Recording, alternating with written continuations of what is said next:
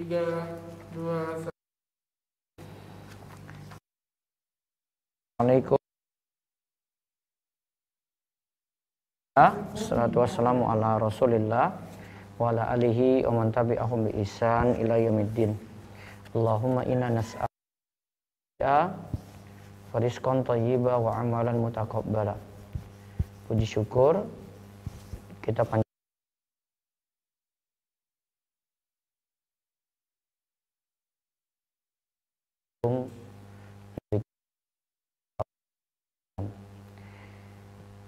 Pada kesempatan pagi ini kita kembali melanjutkan pembahasan kiat belajar bagi orang sibuk dari pembahasan buku Mahasantri. Kita lanjutkan kembali tentang masalah buku. Bagaimana para ulama uh, semangat untuk mengoleksi buku. Uh, pembahasan sebelumnya kita juga jelaskan tentang buku-buku apa yang bisa dikoleksi. Dan ini adalah di antara cara agar kita uh, dapat meraih ilmu dengan baik. Kita memiliki buku tersebut. Ya, dibandingkan dengan hanya sekadar mendengar ya atau uh, sekadar melihat kajian. Jadi kalau buku panduan atau buku pegangan kita miliki, maka akan memudahkan kita dalam belajar. Nah, di halaman 124 sampai 128 ini menjelaskan tentang kiat-kiat mengoleksi buku dan juga kisah para ulama yang semangat dalam mengoleksi buku. Kita lihat satu persatu bahasan ini, monggo di halaman 124 bisa dibaca. Bahan bakar untuk mengobarkan api semangat menuntut ilmu. Sudah selayaknya bagi kita agar memiliki perhatian terhadap kitab-kitab. Syekh Muhammad bin Salih Al-Utsaimin rahimahullah berkata, sudah selayaknya bagi penuntut ilmu untuk memperhatikan hal ini yaitu mengumpulkan kitab.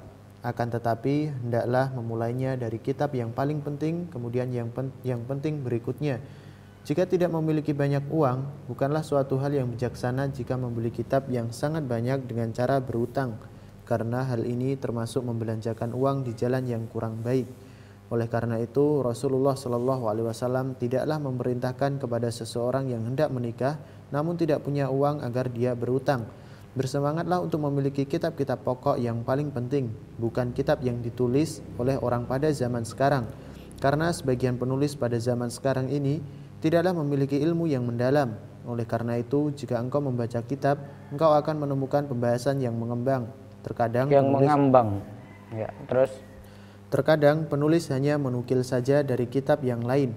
Terkadang pula menjelaskannya dengan ungkapan yang panjang lebar, namun kurang ada manfaatnya oleh karena itu, perhatikanlah kitab-kitab yang penting, bersemangatlah untuk mencari kitab-kitab pokok yang ditulis para salaf, karena sesungguhnya ada lebih banyak kebaikan dan berkah daripada kitab yang ditulis oleh orang-orang kholaf atau zaman sekarang ini. Baik. Di sini ada penjelasan dari Syekh Muhammad bin Shalih Al Utsaimin dalam pembahasan Hilyat Thalabul Ilmi, beliau syarah perkataan dari Syekh Abu Bakar Abu Zaid. Nah, beliau jelaskan di sini sudah selayaknya bagi penuntut ilmu untuk memperhatikan hal ini yaitu dalam mengumpulkan kitab. Ya, hendaklah semangat untuk mengumpulkan kitab. Ya, kitab-kitab para ulama dikoleksi, ya, dijadikan uh, sesuatu yang berharga untuknya. Akan tapi hendaklah memulai dari kitab yang paling penting dulu. Ya, kitab-kitab penting dulu. Bisa jadi pentingnya itu karena ini lagi dikaji. Satu. Jadi pentingnya juga karena itu ilmu penting seperti ilmu akidah atau ilmu tentang ibadah yang dia butuhkan sehari-hari. Nah dia koleksi seperti itu dulu. Nah jika tidak memiliki banyak uang ya tidak perlu berutang. Dia tidak perlu berutang eh, karena Rasulullah SAW sendiri kalau untuk masalah ini beliau tidak memaksa misalnya ada orang yang butuh nikah kemudian dia ketika itu tidak punya ma ma uh, uang untuk mahar, ya Nabi SAW tidak suruh dia cari utangan, tapi cari mahar yang lebih rendah gitu. Ya, sampai dia dijadikan uh, maharnya itu berupa hafalan. Ya, ini yang disinggung oleh Syekh Muhammad bin Sulaiman uh, tentang hadis tadi. Terus uh, kiat berikutnya selain milih buku yang penting, uh, milih buku yang berasal dari penulis belakangan, penulis yang terdahulu gitu Karena mereka memiliki ilmu yang lebih mendalam. Ya, karena memiliki ilmu yang lebih mendalam. Karena kalau di sini kata Syekh, jika kita baca atau menemukan pembahasan untuk buku-buku saat ini, pembahasannya mengambang. Terkadang penulis hanya menukil dari kitab lain saja. Kadang ungkapannya terlalu panjang lebar, namun kurang ada manfaatnya. Nah, ini beliau lagi jelaskan keunggulan mengoleksi buku-buku yang lama. Jadi oleh karena itu perhatikanlah kitab-kitab yang penting. Tadi dijelaskan adalah kitab-kitab penting terlebih dahulu dikoleksi, terus bersemangatlah untuk mengoleksi kitab-kitab yang ditulis oleh ulama salaf. Jadi kitab-kitab yang ada dulu, nah itu lebih bagus untuk dikoleksi. Karena sesungguhnya ada lebih banyak kebaikan dan keberkahan daripada kitab ditulis oleh kholaf dari orang belakangan. Nah ini kiat-kiatnya ya disampaikan oleh Syekh Ibn satu milih buku yang penting ya, buku yang penting. Terus yang kedua, memilih buku dari penulis yang terdahulu ada gitu. Karena ilmunya tentu lebih mendalam daripada ulama-ulama khalaf, ulama-ulama belakangan. Tapi ada catatan di sini yang bisa diperhatikan kalau penulis belakangan tidak selamanya uh, juga tidak boleh dikoleksi gitu karena ada yang merupakan ringkasan atau intisari intisari dari pembahasan ulama di masa silam gitu dan lebih memudahkan kita untuk belajar. Ada yang sifatnya itu dibuat tahzib, dibuat urutannya lebih sistematik lagi. Nah, dia bahas kitab yang dulu tapi dia buat susunannya lebih sistematik. Uh, atau dia ringkas buku yang panjang lebar pembahasannya dia ringkas dari buku sederhana. Uh, contoh tadi misalnya buku yang di sistematika ulang gitu ada misalnya buku Hilyatul Aulia karya Abu Nuaim. Nah, itu disusun ulang lagi, diringkas, tapi berdasarkan tema-tema tertentu. Jadi bukan berdasarkan ulang, namun tema-tema tertentu, tema ilmu apa, tema uh, ini apa, tema ini apa gitu. Lebih enak untuk dipelajari. Atau ada juga kitab yang diringkas, misalnya Zadul Ma'ad yang kita tahu ada beberapa jilid, ada lima atau enam jilid tebal-tebal, ya dibuat jadi satu buku tipis gitu. Ya, kalau orang membaca ini, dia sudah membaca ya intisari-intisari yang ada dalam kitabnya Imam Ibnu Qayyim. Nah, seperti yang diringkas oleh Syekh Muhammad bin Al Wahab dalam uh, Mukhtasar Zadil Ma'ad. Ya, ringkasan dari kitab Zadil Ma'ad. Nah, itu ada. Ya, itu jadi yang ditulis oleh ulama belakangan pun ya sebenarnya manfaat karena yang kita lihat juga bahasanya itu lebih mudah. Bahasanya lebih mudah daripada ulama terdahulu. Jadi lebih uh, sastranya yang dulu mungkin terlalu tinggi kalau sekarang lebih memahamkan untuk uh, orang itu baca dengan bahasa-bahasa sederhana, sederhana seperti eh, buku-buku koleksian yang Anda bisa miliki dari Syekh Muhammad bin Shalih Utsaimin. Kalau ini merujuk pada kitab asli bahasa Arab. Nah, terus kita lihat lagi di bawahnya mengumpulkan Mengumpulkan sebanyak mungkin kitab syar'i yang bermanfaat dan bersemangat untuk mengoleksinya merupakan sarana yang dapat membantu kita untuk membakar semangat ilmu, menuntut ilmu. Baik. Di sini apa tujuan kita mengoleksi buku agar memacu semangat untuk menuntut ilmu? Nah, hal ini disebabkan satu. Jika seseorang mengumpulkan kitab dan menyusunnya dalam perpustakaan rumah, atau ruangan khusus di rumahnya, maka ketika dia memandang deretan buku-buku tersebut yang telah dicetak dengan cetakan yang indah dan menarik, pastilah tergerak memotivasinya untuk membaca sebagian buku tersebut walaupun sejenak saja. Karena ketika dia memandang kitab-kitab itu, dia akan teringat dengan kesungguhan yang dicurahkan oleh para ulama salaf dalam menulis, menyusun dan mengumpulkan kitab-kitab tersebut. Dia juga akan teringat dengan berbagai kesulitan yang dihadapi dalam menulisnya, saat itulah dia akan membandingkan dengan keadaan dirinya sendiri.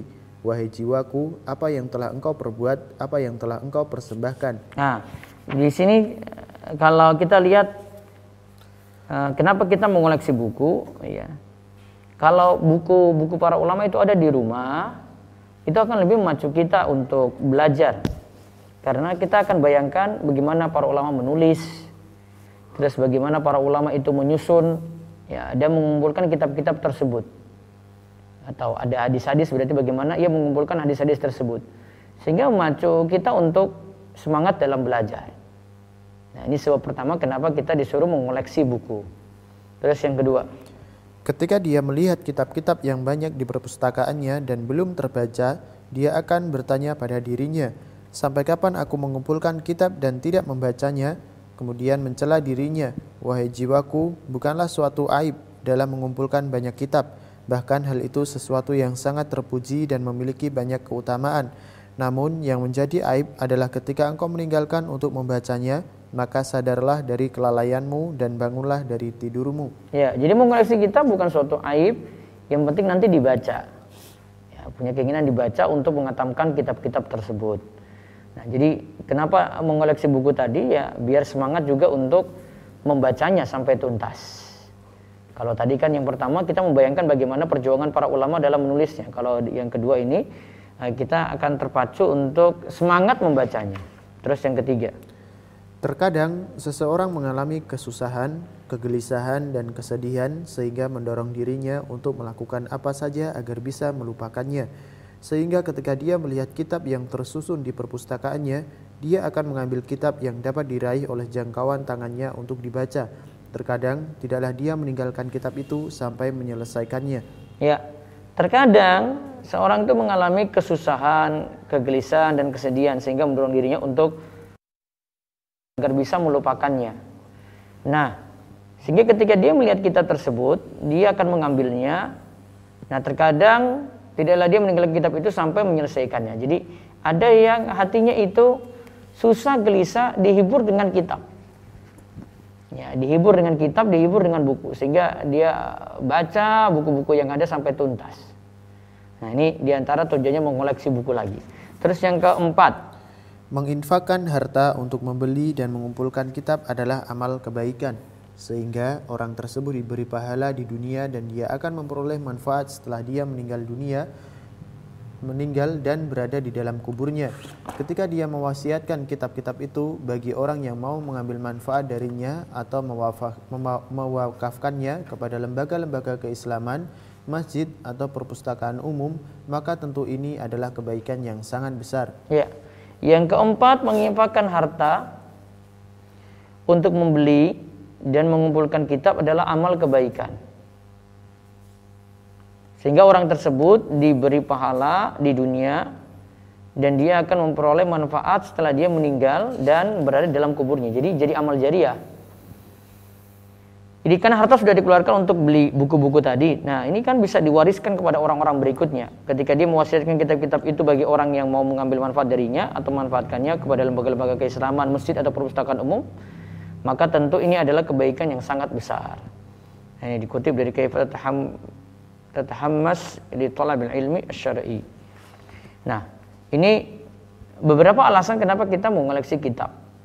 Ya, yang pertama tadi agar meniru para salafus soleh juga dalam belajar. Yang kedua, kita semangat untuk membaca buku. Kemudian yang ketiga, menghilangkan kegelisahan, ya, kesusahan, kesedihan dengan membaca. Kemudian yang keempat, uh, harta yang kita keluarkan untuk membeli buku itu jadi amal jariah. Nah, sekarang lihat di halaman 127 semangat para ulama dalam mengumpulkan kitab. Semangat para ulama dalam mengumpulkan kitab. Demikianlah para ulama salaf sangat menyadari pentingnya mengumpulkan kitab. Kita temukan pada diri mereka semangat yang tinggi untuk membeli kitab. Ya. Kita lihat semangat mereka dalam membeli kitab luar biasa. Kita lihat dari beberapa contoh ulama di sini, Al-Hafidz Ibnu Hajar, coba baca. Al-Hafidh Ibnu Hajar Al-Asqalani rahimahullah berkata dalam biografi Ibnul Qayyim rahimahullah, beliau yaitu Ibnul Qayyim sangat gemar mengumpulkan kitab sehingga beliau memiliki kitab yang tidak terhingga banyaknya. Sampai-sampai anaknya menjual kitab-kitab itu setelah beliau meninggal dalam kurun waktu yang lama, kecuali kitab-kitab yang mereka pilih untuk diri mereka sendiri. Ya. Jadi koleksinya Ibnu Qayyim itu sangat banyak sekali. Sampai-sampai anaknya menjual kitab-kitab itu setelah beliau meninggal. Itu dijual dalam kurun waktu yang lama. Kecuali kitab-kitab yang mereka pilih untuk diri mereka sendiri. Jadi ada yang mereka ambil, kemudian ada sisanya mereka jual buku itu. Itu nggak habis-habis. Ya, karena saking banyaknya koleksian dari Imam Ibnu Qayyim. Terus Imam Al-Mundhiri rahimahullah berkata, Al-Hafidh As- As-Silafi rahimahullah adalah orang yang sangat gemar mengumpulkan kitab. Setiap kali memiliki uang, beliau akan menggunakannya untuk membeli kitab. Beliau memiliki koleksi kitab yang tidak ada habis-habisnya apabila dipandang. Nah, dia punya kitab itu kalau dipandang tidak habis-habisnya gitu. Setiap kali memiliki uang, beliau gunakan untuk membeli kitab. Setiap kali membeli eh, setiap kali memiliki uang, ia gunakan untuk membeli kitab. Nah, ini semangatnya para ulama dalam mengumpulkan kitab dari yang dulu ini dari Al-Hafiz As-Silafi. Ya, terus Imam Az-Zahabi. Imam Az-Zahabi rahimahullah berkata dalam biografi Al-Qadi Abdurrahim bin Ali Al-Lukhai rahimahullah telah sampai berita kepada kami bahwa beliau memiliki kitab sampai 100 ribu jilid. Beliau mengumpulkannya dari seluruh pelosok negeri. Ya, ini tentang Al-Qadhi Abdurrahim bin Ali Al-Lukhai. Koleksian kitabnya itu sampai 100 ribu jilid. Itu pun dikoleksi dari berbagai pelosok negeri. Ya, 100 ribu jilid. Ya, dengan jumlah yang luar biasa. Terus Imam Zahabi juga berkata, Imam Az-Zahabi rahimahullah berkata dalam biografi Muhammad bin Abdullah As-Sulami Al-Marsi rahimahullah menulis, membaca dan mengumpulkan banyak kitab yang berharga, harta beliau digunakan untuk membeli kitab. Taib, ini tentang biografi Muhammad bin Abdullah As-Sulami Al-Marsi. Jadi harta beliau digunakan untuk membeli kitab. Aktivitasnya situ menulis, membaca dan mengumpulkan banyak kitab yang berharga. Lalu di sini ada cerita istri cemburu pada buku. Ya, istri cemburu pada buku. Ya. Kita lihat di halaman 128. Saking kutub bukunya, ada ulama yang sampai buku-bukunya membuat istrinya sangat cemburu. Istrinya berujar seperti ini, Demi Allah, buku-buku ini lebih membuatku cemburu daripada tiga istri madu. Ya. Jadi daripada istri, memiliki tiga istri lagi, ya buku-buku ini lebih membuat istrinya itu cemburu. Terus inilah, Inilah yang yang dikatakan. dikatakan oleh istri Imam Az-Zuhri terhadap suaminya karena suaminya tidaklah pernah lepas dari buku. Ya, suaminya tidak pernah lepas dari buku. Nah, sekarang bagaimana kecintaan kita sendiri pada buku dan pada ilmu? Ini diambil dari kitab Kaifat Taqra Kitaban. Bagaimana cara me- membaca buku ya. Karya Syekh Muhammad Shalih Al-Munajjid halaman 8 penerbit Madarul Watan. Nah, inilah beberapa contoh keteladanan para ulama salaf dalam mengumpulkan kitab atau buku-buku agama yang bermanfaat. Jadi kesimpulannya dalam mengoleksi buku di sini eh, ini masuk dalam cara untuk kita belajar. Jadi cara belajar di samping lewat guru kita lewat buku. Namun kalau bagi yang pemula atau yang belajar dari dasar yang uh, belum punya ilmu dasar ya baiknya dengan guru. Tapi kalau sudah punya ilmu dasar dia bisa belajar dari buku tadi. Ya. Misalnya dia punya kemampuan bahasa Arab, bahasa Arab dan ilmu-ilmu alat yang lainnya, usul fikih, uh, qawaid fikih dia paham dan seterusnya. Nah terus yang telah kita bahas lagi buku-buku yang bisa kita koleksi, ya bisa kita kumpulkan dan Uh, ini kami sarankan secara bertahap. Kalau bisa tetap dengan panduan guru untuk mengkajinya. Apalagi tadi ya sekali lagi kalau masih dasar. Ada masing-masing bidang nanti ada kitab masalah tauhid seperti kitabnya Syekh Muhammad bin Abdul Wahab. Ada kitab akidah juga, ada sebagian kepada Syekh Muhammad bin Abdul Wahab dan setiap mazhab ada punya kitab akidah khusus yang dijelaskan oleh para ulama mereka. Terus ada kitab-kitab tafsir seperti tafsir Jalalain, ada Al-Mukhtasar fi Tafsir dan seterusnya ada kitab fikih, ada kitab fikih dari ulama belakangan, ada kitab hadis, ada kitab sirah nabawiyah juga, ada tazkiyatun nufus dan adab seperti dalam Riyadhus Shalihin. Ya, ada juga kitab akhlak seperti dalam Adabul Mufrad, ada kitab amalan, ya. Lalu ada kitab dosa besar, Al-Kabair karya Imam Zahabi ini termasuk di dalamnya yang jadi rujukan dan sering dibahas juga. Kemudian ada pula kitab sejarah para ulama, ada Syiar A'lam Nubala yang tadi kita lihat beberapa nukilan dari buku ini yang kami ambil dari Syiar A'lam Nubala. Kemudian ada kitab bahasa Arab. Ya, kita pelajari ada dari dasar. Kalau penulis-penulis Indonesia sudah ada. Bahkan sudah banyak juga yang menulis tentang nahu, sorab, percakapan juga sudah banyak. Ya, seperti Ustadz Aceh Zakaria yang konsen di bahasa Arab nahu sorab. Ada Al-Muyassar fi ilmin nahwi untuk bahasa nahu. Kemudian Al-Kafi untuk bahasan sorofnya juga di sini bisa pelajari dari buku uh, Mukhtarat Qawaidul Arabiyah karya Ustaz Aunur Rafiq Gufran dan kalau yang lebih advance itu ada kitab Mulakhas Qawaid Al-Lughatil Arabiyah Fuad Nikmah. Lalu yang kita lihat tadi uh, tentang semangat ya dalam mengoleksi buku. Nah, kemarin yang kita bahas ada ulama yang sambil belajar itu menjual sesuatu cuma untuk belajar saja. Ada yang sampai jual pakaian, ada yang sampai jual celana gitu. Ya, ada yang sampai makannya pun terbatas karena untuk belajar.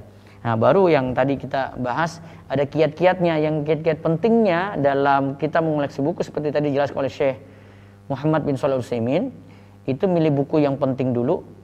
Kemudian yang kedua, milih buku dari ulama-ulama terdahulu daripada ulama belakangan.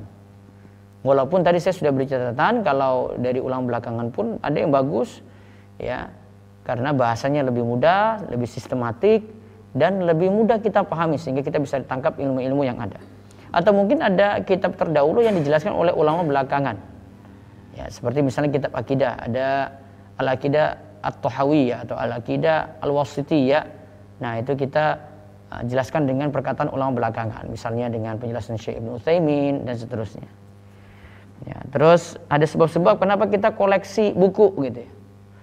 Karena yang pertama uh, ingin mencontoh para ulama dulu sehingga semangat juga seperti mereka. Kemudian yang kedua biar semangat baca. Kemudian yang ketiga agar hilang kesedihan, kesusahan, kegelisahan. Kemudian yang keempat kita menginfakkan harta jadi tidak sia-sia karena ini nanti akan jadi amal jariah. Nah, baru yang terakhir tadi tentang semangat para ulama dalam mengumpulkan kitab. Ada kisah Ibnu Qayyim, ada kisah Al-Hafiz As-Silafi, kemudian ada kisah Al-Qadhi Abdul Rahim bin Ali Al-Luqai, ada kisah lagi dari Muhammad bin Abdullah As-Sulami Al-Marsi.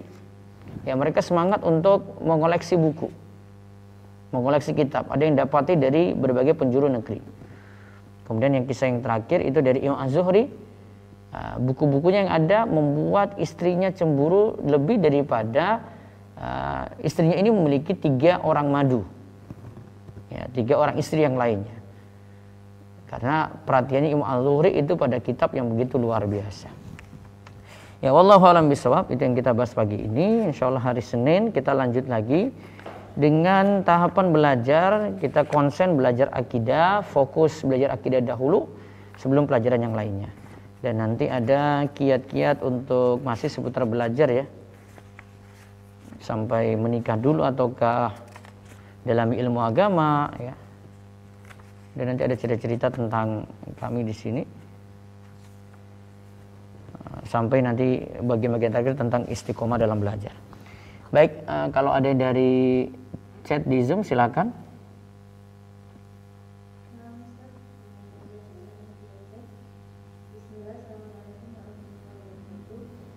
Assalamualaikum yang berbahasa Arab agar lebih terbiasa melihat tulisan Arabnya ketika mengikuti kajian atau kitab terjemahan yang mana lebih mudah kita pahami karena belum mahir berbahasa Arab. Tergantung keadaan. Kalau keadaan yang tadi punya mau koleksi kitab ya sudah bisa bahasa Arab ya baiknya langsung koleksi kitab bahasa Arab. Uh, bahkan jangan kebiasaan dengan terjemah gitu. Terjemah dia bisa beli tapi nanti cuma jadi buku pembanding saja. Saya baca ini dengan baca ini gitu. Bandingkan dengan buku asli. Bisa seperti itu awal-awal. Nah, namun kalau untuk menyemangati ya langsung beli buku Arab kalau memang dia sudah bisa bahasa Arab. Atau uh, kalau tadi keadaan yang kedua belum bisa bahasa Arab, nah ini terpaksa dengan beli buku-buku terjemahan. Jadi tergantung keadaan orang masing-masing dia itu bisa seperti apa. Yang jelas yang penting nanti dikaji, dibaca uh, buku-buku uh, tadi uh, bisa dengan panduan guru ya kalau ada kajian memakai referensi uh, buku rujukan uh, kitab ulama ya berusaha untuk beli. Misalnya ada ustadz yang mengkaji tafsir As-Sa'di gitu, juz 30. Ya beli buku itu, nah kemudian ikuti pembahasan itu gitu. Kalau enggak ya kalau bisa bahasa Arab beli yang versi bahasa Arabnya. Ya. Pelan-pelan kaji seperti itu. Saran saya kalau punya kemampuan berbahasa Arab baiknya uh, dari berbahasa Arab dulu untuk dikaji lebih dalam sehingga uh, kita bisa belajar dari kitab para ulama secara langsung. Baik berikutnya lagi silakan untuk uh, resen mungkin dulu resen silakan. Ibu Free monggo. Assalamualaikum Ustaz. Waalaikumsalam warahmatullahi wabarakatuh. Ya silakan Bu Fri. Ustaz, uh, kemarin Ustaz cerita tentang perjuangan para ulama dalam uh, menuntut ilmu. Anda sempat teringat tentang uh, apa penulisan kitab tauhid itu katanya penulisnya siang harus bekerja sebagai kuli untuk bisa bertahan hidup dan malamnya dia menulis kitab gitu. Yang kitab tauhid yang dimaksud ini yang yang Syekh Muhammad bin Abdul Wahab atau bukan? Uh, kitab tauhid ada macam-macam ya Bu. Nanti saya lihat dulu itu ada Imam Ibnu Khuzaimah juga punya kitab namanya sama, Kitab Tauhid. Hmm. Iya, Imam Ibnu Khuzaimah ada kitabnya Kitab Tauhid, pembahasan akidah juga sama. Oh. Jadi bukan beliau ya Ustaz ya? Uh, harus dilihat lagi dulu. Nah, nah. Eh, itu saja Ustaz.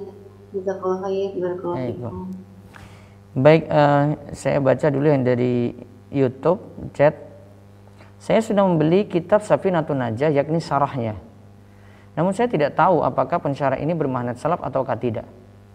Uh, apakah kitab tersebut masih boleh untuk dikaji? Saya juga pernah membaca tulisan Anda di rumah iso mengenai perlunya mem membeli memberi dinding di sekitar kuburan yang dekat dengan masjid. Apakah ada ketentuan tentang dinding ini Ustadz? Dinding mungkin waktu bahas tentang sholat di ini ya masjid yang ada kuburnya ya. Jadi harus dipisah masjidnya sendiri kuburnya sendiri gitu. Tidak boleh masjid dan kubur itu bersatu. Itu mungkin yang dimaksud. Nah adapun kitab Safinatun Najah uh, saya punya syarah juga ada di website Rumah Iso ya bisa dicek. Terus kalau ditanya kalau punya kitab syarah terus manhajnya apa? Kalau rata-rata penulis fikih belum tentu dia tunjukkan manhajnya ya karena pembahasan fikih beda dengan pembahasan akidah Kecuali mungkin dalam beberapa poin kita bisa tahu dari misalnya uh, pembahasan wa sifat dia takwil gitu. Kita bisa uh, menyatakan kalau dia misalnya punya pemahaman asy'ari gitu, bisa. Tapi rata-rata kalau bahas fikih ya dia memang fokus bahas fikih saja gitu, seputar hukum dia kaji. Ya, bisa jadi ada kaitannya dengan akidah secara langsung ada, bisa jadi tidak gitu. Jadi uh, kalau cuma sekadar belajar fikih saja ya silakan. Tapi kalau saran saya kalau ini buku dasar memang baru dasar sekali ada guru yang pandu untuk itu untuk memahamkan. Uh, Safinatun Najah di channel Meso TV ada juga bisa ikuti pembahasan saya. Tapi saya berusaha dekatkan dengan madhab syafi'i itu kecuali mungkin beberapa poin saya kasih catatan aja. Tapi kalau secara umum kalau saya bahas madhab ya kalau itu madhab syafi'i ya perkataan madhab syafi'i yang disebut gitu. Jadi saya tidak sebut keluar dari mazhab syafi'i kecuali dalam beberapa poin tertentu di sini bertanya, bagaimana caranya agar kita bisa konsisten membaca buku? Ya, beli buku, koleksi, terus yang kedua sediakan waktu untuk baca. Bisa juga yang ketiga itu ikuti komunitas, komunitas yang uh, punya misi untuk menghatamkan buku atau baca buku setiap hari. Saya ada bina satu yayasan yang memang misinya di situ yaitu baca buku setiap hari. Bisa cari di Instagram ada uh, ada aplikasinya di Trebilio untuk uh, menyetor ya, apa yang dibaca setiap harinya. Jadi saya baca buku ini misalnya hari ini lima halaman saya baca, saya tulis nanti ada pelaporannya situ dan dibuat resumenya yang telah kita baca. Nanti disetor, nanti akan semangat karena yang lainnya juga pada setor. Ya, bahkan uh, ini saya terapkan ke anak-anak juga. Anak-anak nanti saya pandu untuk baca, dia baca, terus saya baca ulang, terus kita buat ringkasan bersama untuk itu terus disetorkan ke aplikasi Trebilio tadi. Yang jelas ada harus ada motivasi untuk baca gitu. Tapi cara baca kan ada dua macam. Ada cara baca, cara baca kilat gitu. Dia cuma ambil poin-poin penting saya karena tidak semua dia perlu uh, kaji lebih dalam. Ya. Saya misalnya kalau baca buku-buku kayak pengembangan kepribadian, saya tidak perlu baca cerita-cerita terlalu banyak. Saya kadang sifatnya baca yang poin-poin inti saja. Nah, ini ini penting, ini penting, penting ya dibuat inti sari tentang itu. Karena yang lainnya kadang cuma cerita-cerita saja gitu. Uh, atau ada buku yang harus kaji lebih dalam. Misalnya kita koleksi buku hukum waris gitu. Ya, hukum waris. Nah, itu butuh kaji lebih dalam, nggak bisa baca kilat nggak bisa gitu. Kecuali uh, mungkin kita cuma baca tahu sekilas saja oh ini tentang apa, terus kita nanti baca satu hari lebih lengkap lagi namun kalau ilmu-ilmu tertentu kita butuh bacanya uh, pelan-pelan kemudian renungkan setiap poin-poin yang ada yang kita baca. Jadi cara baca ada dua cara seperti itu. Kemudian tinggal memilih waktu, waktunya kapan yang uh, yang senggang. Tergantung kita tujuannya baca itu apa? Apakah tujuannya untuk tugas kuliah atau cuma sekadar ingin nambah wawasan? Kalau tugas kuliah biasanya ada target dia harus baca gitu. Misalnya orang yang uh, punya tugas skripsi atau tesis gitu ya dia punya target untuk baca uh, satu hari berapa buku gitu dia harus selesaikan. Tapi kalau cuma sekadar untuk baca saja dia tidak punya target untuk itu. Dia selesaikan sesuai dengan kemampuan, dia bacanya juga sesuai dengan kemampuan. Ustaz di daerah saya terdapat beberapa perkumpulan torikot yang masing-masing memiliki amal-amalan yang berbeda-beda. Apakah itu memang sesuai dengan ajaran Islam? Itu sesuai dengan ajaran torikotnya, tidak sesuai dengan ajaran Nabi Shallallahu Wasallam. Apakah artikel-artikel Ustadz boleh di-download dan dibacakan di depan keluarga atau sahabat misalnya, bukan untuk dikomersilkan? Boleh, silahkan. Sudah dari dulu banyak yang praktek seperti itu. Kalau belajar bahasa Arab untuk pemula, dimulai dari mana ya? Kalau mau ya percakapan dulu, supaya tidak kaget kalau dijelaskan kaidah. Seperti ada kitab Durusul Go, Al-Arabiyah Baina Yadaik, dan percakapan-percakapan yang lainnya. Biar kenal dulu. Nah baru setelah itu kalau mau serius belajar ilmu nahu dan sorof baik bisa yang resen masih ada itu silakan. Nah Ustaz sudah ada jusnya uh, Tafadol dibuka mic-nya Ya Bismillahirrahmanirrahim. Assalamualaikum warahmatullahi wabarakatuh. Ya Waalaikumsalam warahmatullahi wabarakatuh. Uh, Ustadz uh, pertanyaannya di luar dari pembahasan Uh, ini saya ada kesulitan. Saya kan kerja di pabrik gitu ya Ustadz. Jadi kalau misalnya di toilet itu kan toiletnya toilet duduk gitu.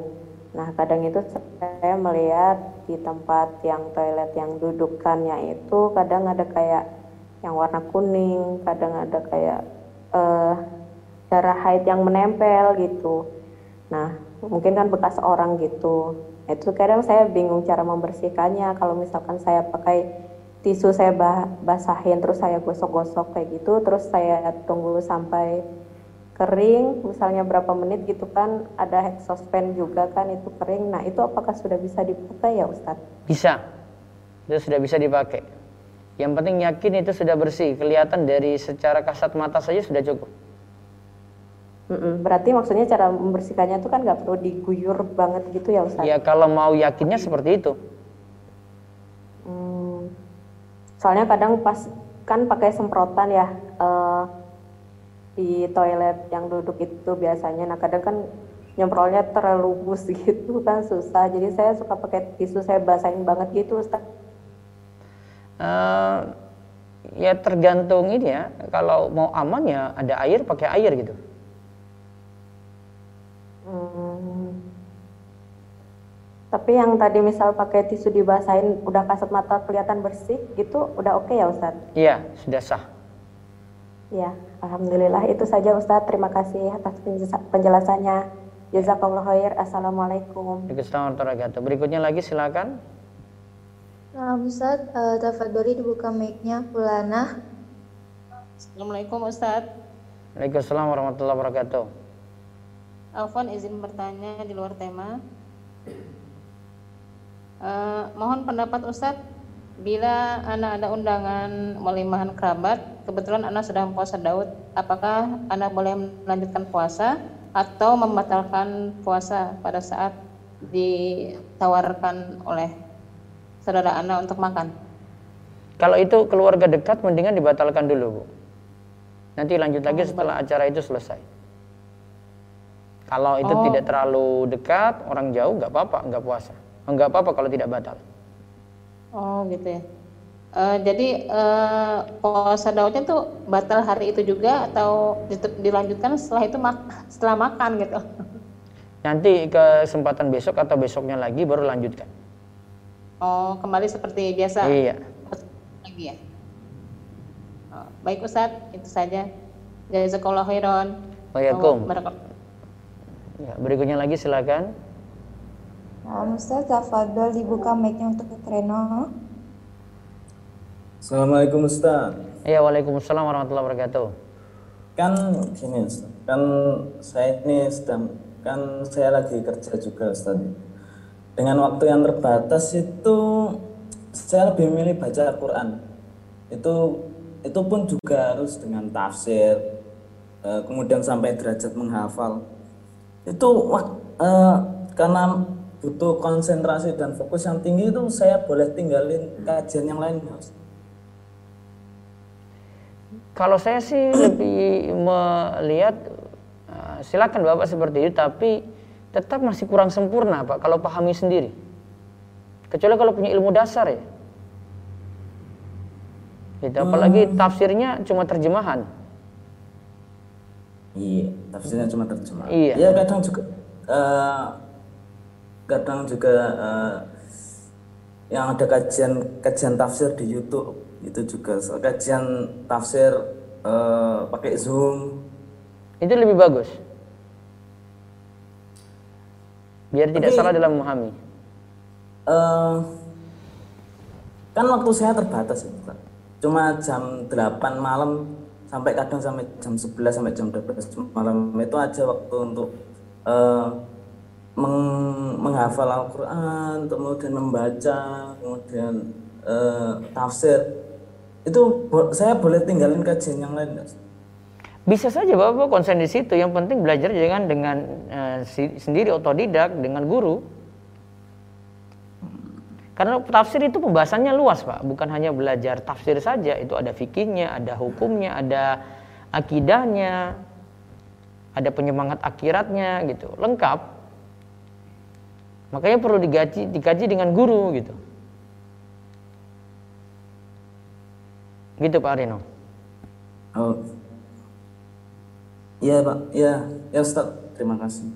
Jazakallah khair. Ya berikutnya lagi silakan. Ya Ustaz, eh, Tafadoli Inggit Yunitasari dibuka mic-nya Bu.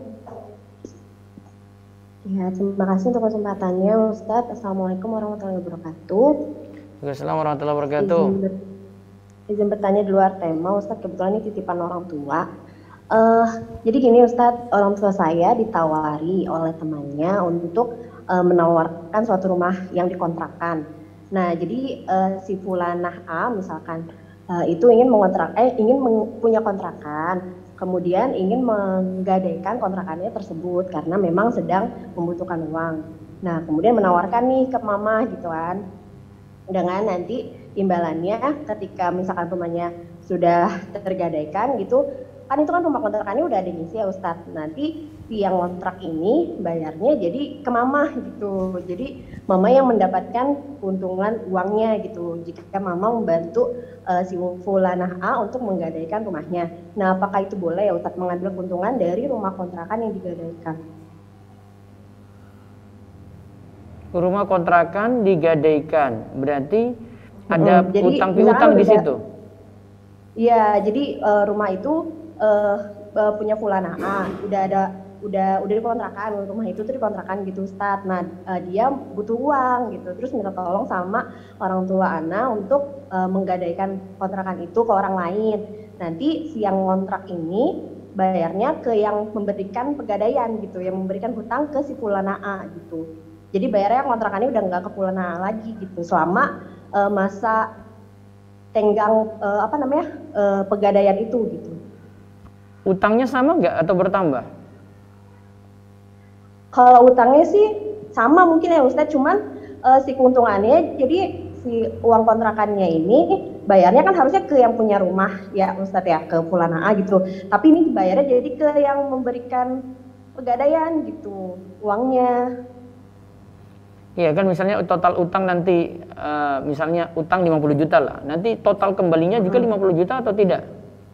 Iya, cuman bedanya si yang kontrak ini bayarnya bukan ke yang punya rumah. Boleh. Tapi ke yang memberikan pegadaian Ustadz. Boleh. Boleh Ustadz. Yang Bukan penting utangnya tetap, Bu. Utangnya tetap 50 juta nanti kembalinya juga ke orang yang kasih kontrakan juga sama gitu. Dia tidak minta lebih. Ke orang yang kasih gadai Iya. tadi itu loh. Eh, bayarnya sih tetap, cuman nanti uang kontrakannya bayarnya kan harusnya ke Iya tahu A ya, Ustadz. orang bayar kontrakannya ke situ karena dikasih uang kan. Sekarang cuma masalahnya adalah utangnya sama nggak itu saja bu. utangnya sih sama Ya Ustaz. sudah. Tapi Bingungnya di mana, Bu? Iya maksudnya takutnya eh, karena kan keuntungan yang pem- iya ada meng- apa dapat keuntungan dari yang eh, pengontrak ini gitu uangnya bayarnya jadi ke yang memberikan hutang gitu yang memberikan eh, uang pegadaian Iya kan uh, uangnya kan nanti sama kan.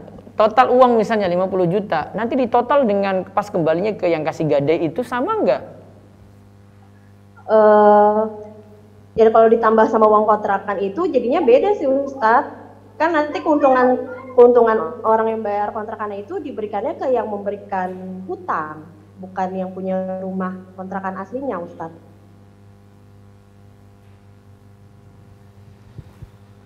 Cuma masalahnya di situ aja bu. Kalau beda ya nanti jadi prinsip riba. Kalau di situ dalam kasus utang piutang gitu. Karena ada gadai. Iya makanya situ. anak agak bingung Ustadz soalnya kan ini rumah kontrakan ini eh, sudah ada yang ngisi gitu nah jadi maksudnya yang punya rumah rumah ini mau digadaikan nanti yang kontrak ini bayarnya ke yang memberikan hutang pegadaian otomatis kan keuntungan kontrakan ini diterimanya sama yang memberikan hutang Ustadz bukan yang punya rumah gitu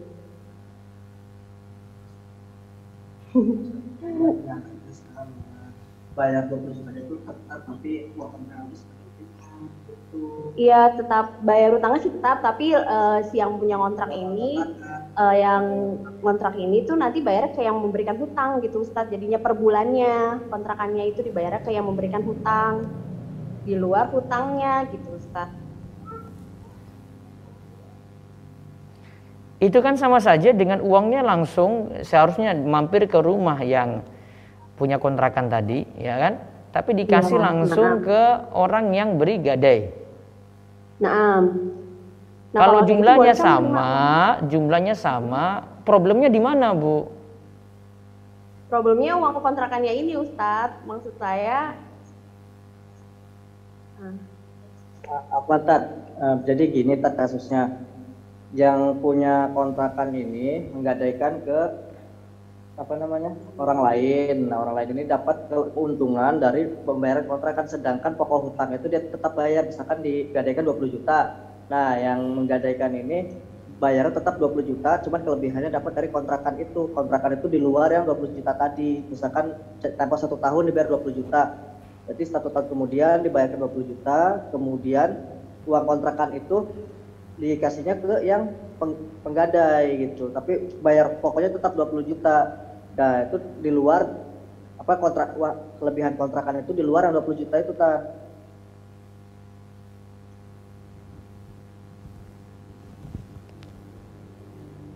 jadi totalannya lebih dari 20 juta ya karena yang 20 juta itu utuh gitu dibayarkan 20 juta nah, kelebihannya dapat dari kontrakan itu Nggak boleh kelebihan. berarti. Kalau kelebihan nggak boleh. Nggak boleh Kan Nah, saya cuma tanya lebih ya. atau tidak. Saya kan cuma tanya simpel. Kalau Iya. lebih nggak boleh. Ibu nggak jawab tadi. Ibu cuma muter-muter. Kalau ibu jawab lebih riba berarti. Itu aja kaidahnya bu untuk memahami. Ya, gitu ya. Baik. Demikian eh, kita cukupkan untuk eh, kajian pagi ini mudah-mudahan manfaat dan Allah terus nambahkan kita ilmu dan memberikan kita keistiqomahan. Demikian kita tutup dengan doa kafaratul majlis. Monggo. Subhanakallahumma bihamdika asyhadu an la ilaha illa anta astaghfiruka wa atubu ilaik. Assalamualaikum warahmatullahi wabarakatuh.